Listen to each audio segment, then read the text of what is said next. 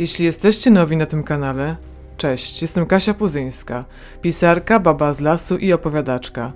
Rozmawiamy tu o różnych mrocznych sprawach. Jeśli lubicie taką tematykę, zostańcie na dłużej. Dziś o polskim śledztwie, które nadal pozostało nierozwiązane. Obecnie zajmuje się nim policyjne archiwum X. Nie było o nim aż tak głośno, więc wydaje mi się, że warto tutaj trochę o nim opowiedzieć. Miejmy nadzieję, że ta sprawa znajdzie w końcu swoje rozwiązanie i bliscy ofiary będą mogli zaznać choć trochę spokoju. O sprawie dowiedziałam się od komisarza Marcina Mańczaka podczas siódmego zlotu moich czytelników. Marcin opowiadał o niej w kontekście tego, że rośliny również mogą przemówić na miejscu zdarzenia. Posłuchajcie o śmierci pani Moniki.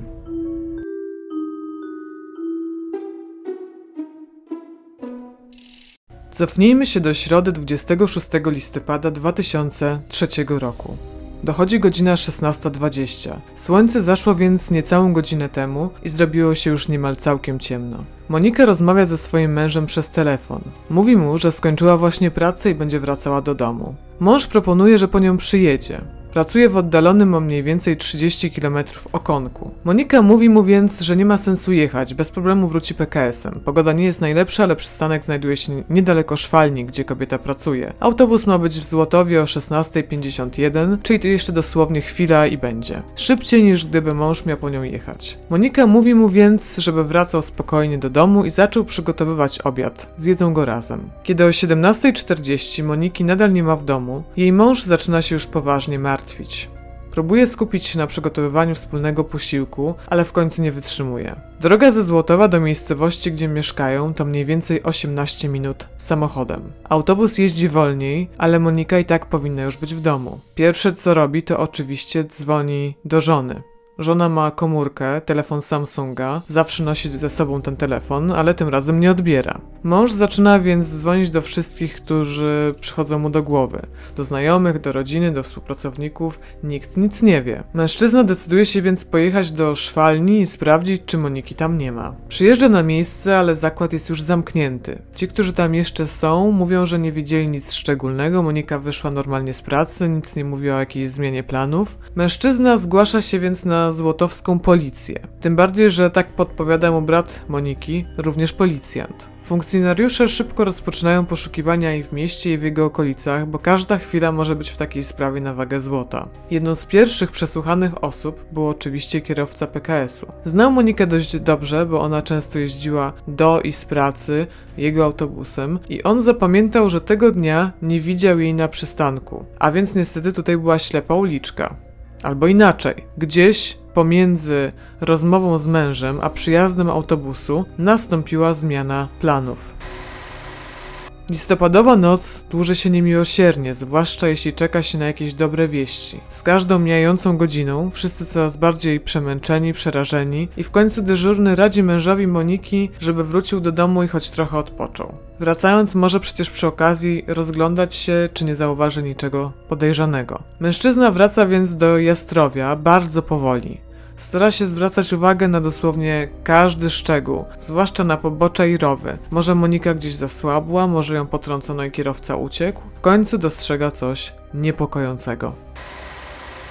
Wróćmy jednak do początku środy. 26 listopada 2003 roku to był zwyczajny dzień. Monika jak zwykle przygotowywała się do pracy. Jesień dawała się już we znaki, było mgliście, deszczowo, pogoda pod psem. Kobieta postanowiła więc ubrać się ciepło, założyła golf, wysokie skórzane kozaki. Jeansowe biodrówki były lekko wytarte na udach, ale je lubiła. Zarzuciła jeszcze kożuszek i torbę na ramię, a potem pożegnała się z mężem. Tego dnia do pracy podwoził ją znajomy. Monika od trzech lat pracowała w szwalni w Złotowie, mieszkała zaś w Jastrowiu. Miejscowości te dzieliło mniej więcej 17 km.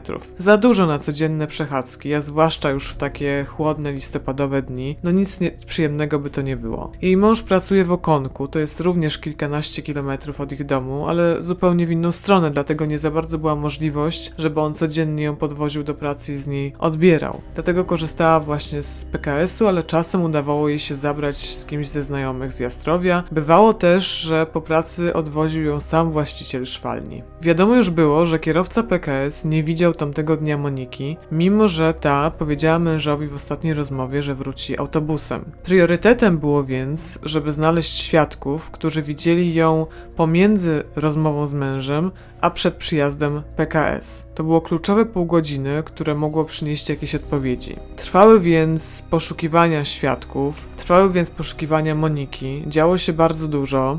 Być może Monika wsiadła z kimś do samochodu, myśląc, że ta osoba ją bezpiecznie do domu podwiezie, a zamiast tego spotkała ją śmierć. Tak więc było bardzo dużo do zrobienia, wszyscy działali bardzo prężnie, no ale nic nowego nie udawało się ustalić i w końcu, tak jak wam powiedziałam, dyżurny wysłał męża Moniki do domu. Mąż Moniki wracał bardzo powoli, rozglądał się, sprawdzał pobocza i w końcu coś zauważył. A mianowicie, pomiędzy Złotowym a Jastrowiem znajdują się torfowiska i rezerwat przyrody. Mimo, że było późno, mąż Moniki zauważył w ciemności ślady opon. Wyglądało to trochę jakby ktoś wjechał, a potem wyjechał samochodem z lasu, ponieważ to był rezerwat przyrody, w związku z tym coś mu tutaj nie pasowało i od razu zawiadomił policję. Funkcjonariusze przyjechali na miejsce z psem tropiącym, a mąż Moniki skrzyknął jeszcze kilka osób, żeby było więcej osób do poszukiwań. Mimo, że zrobił się już środek nocy, wszyscy byli gotowi rozpocząć te poszukiwania. Kończą się one o 1.45 nad ranem, już w czwartek 27 listopada 2003 roku. Kilkaset metrów od szosy pies służbowy łapie trop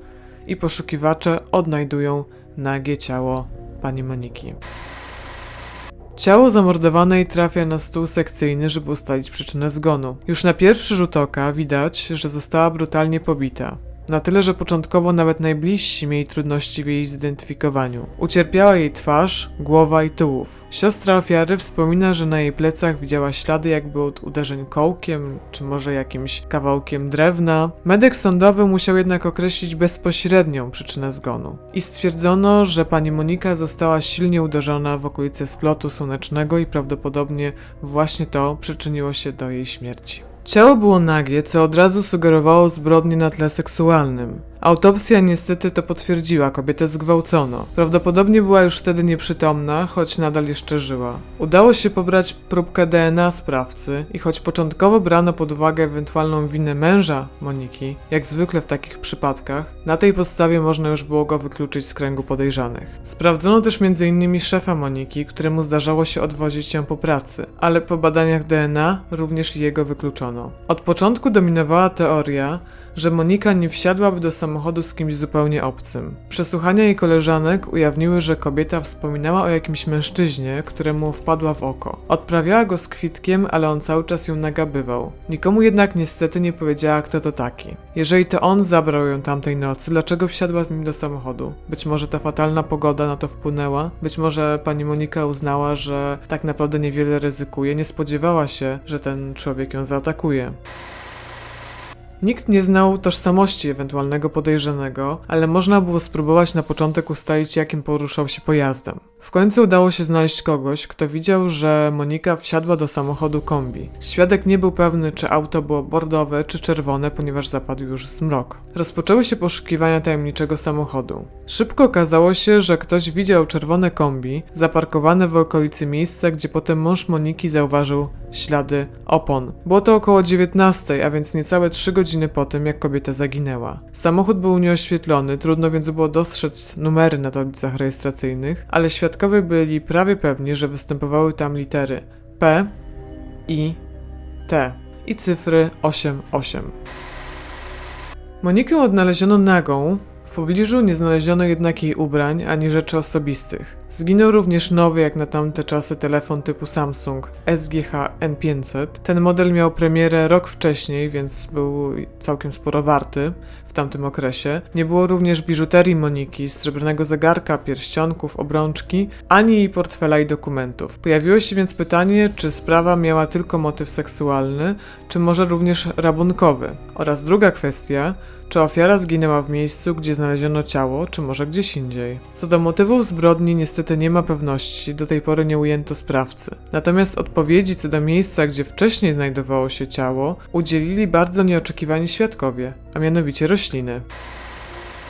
Dokonano analizy palinologicznej próbek pobranych z miejsca zbrodni. Palinologia zajmuje się badaniem pyłku roślin nasiennych, zarodnikami mszaków, paprotników i grzybów. Palinologia kryminalistyczna to bardzo istotna dziedzina nauki, bo pozwala m.in. określić przybliżoną porę roku pochówku ciała na podstawie pylenia poszczególnych gatunków roślin w danym okresie. Można też określić miejsce dotknięcia się pyłku danej rośliny z ciałem lub ubraniem ofiary. W tym wypadku to było szczególnie istotne. Z reguły próbki gruntu bardzo się różnią, jeśli chodzi o rodzaj pyłków w nich występujących. W tej sprawie udało się wyodrębnić pyłek ziarnopłonu wiosennego. Roślinę tę nazywano kiedyś jaskrem wiosennym lub przonką. Zasiedla ona głównie siedliska leśne w Europie i w Azji. W Polsce jest dość pospolite, ale uwaga, bo w czasie kwitnienia roślina ta jest trująca. Gatunek ten jest dość pospolity, ale jest bardzo zmienny w zależności od warunków siedliskowych. Może zmienić kształt liści, zabarwienie liści, wielkość kwiatu itd. Przeprowadzono badania porównawcze na całym obszarze torfowisk.